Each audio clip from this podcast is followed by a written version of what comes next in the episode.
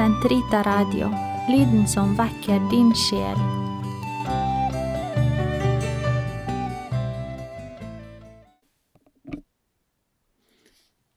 Den katolske kirkes katekisme, uke 33, mandag 577 til 582. Jesus og loven. Jesus kom med en høytidelig advarsel på begynnelsen av bergprekenen, hvor han la frem den lov Gud hadde gitt på Sinai ved den første paktslutning, i lys av den nye pakts nåde. Tro ikke at jeg er kommet for å oppheve loven og profetene. Jeg er ikke kommet for å oppheve, men for å oppfylle. Og sannelig, det står fast, ikke en tøddel, ikke et komma av loven skal forgå, før himmel og jord forgår, før alt er skjedd. Og derfor, den som lar hånt om selv det aller ringeste av budene, og lar menneskene ta lære av det, han skal også regnes for den ringeste i himlenes rike. Men den som følger budene, så vel i handling som i lære, han skal regnes for stor i himlenes rike. Matteus 5, 17-19. Jesus, Israels Messias, altså den største i himlenes rike, skyldte å oppfylle loven ved å overholde den i sin helhet, like til det minste av budene, etter hva han selv sier. Han er til og med den eneste som har kunnet gjøre dette fullt ut.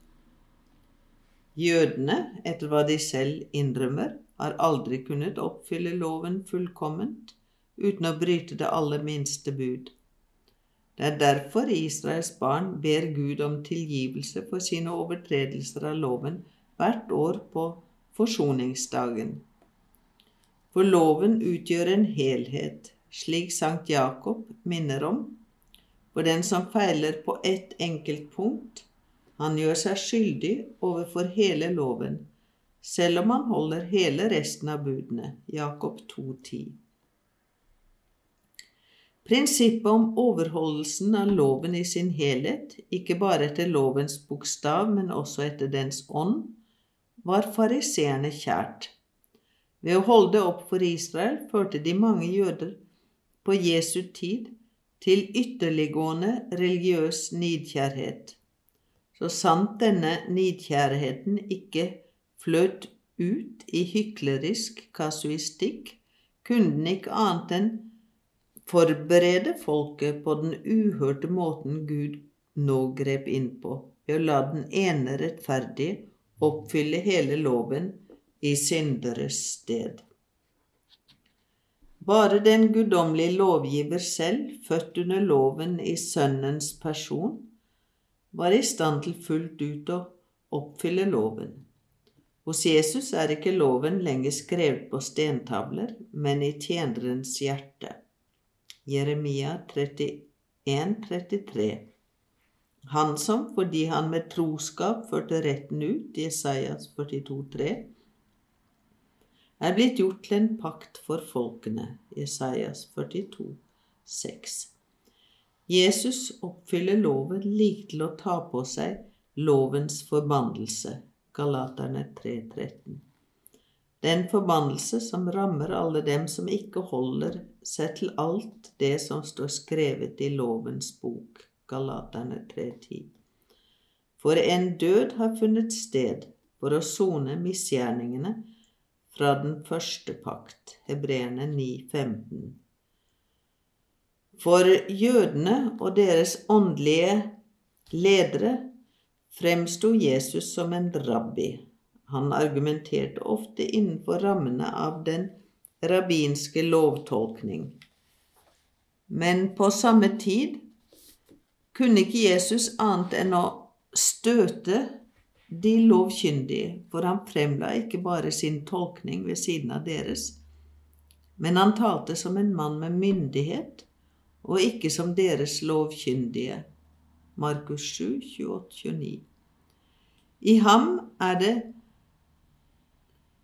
det samme Guds ord som lød på Sinai og ga Moses den skrevne lov, som nå på nytt lyder på saligprisningenes berg.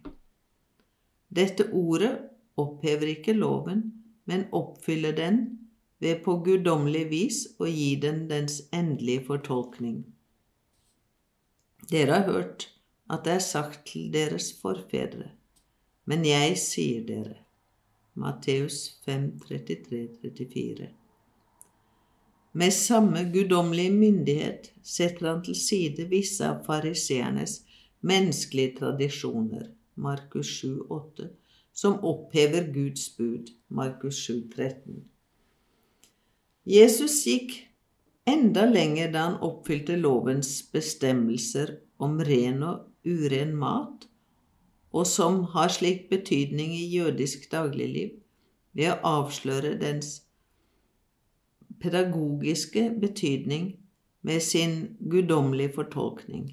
Ingenting av det som kommer inn i mennesket utenfra, kan gjøre det urent.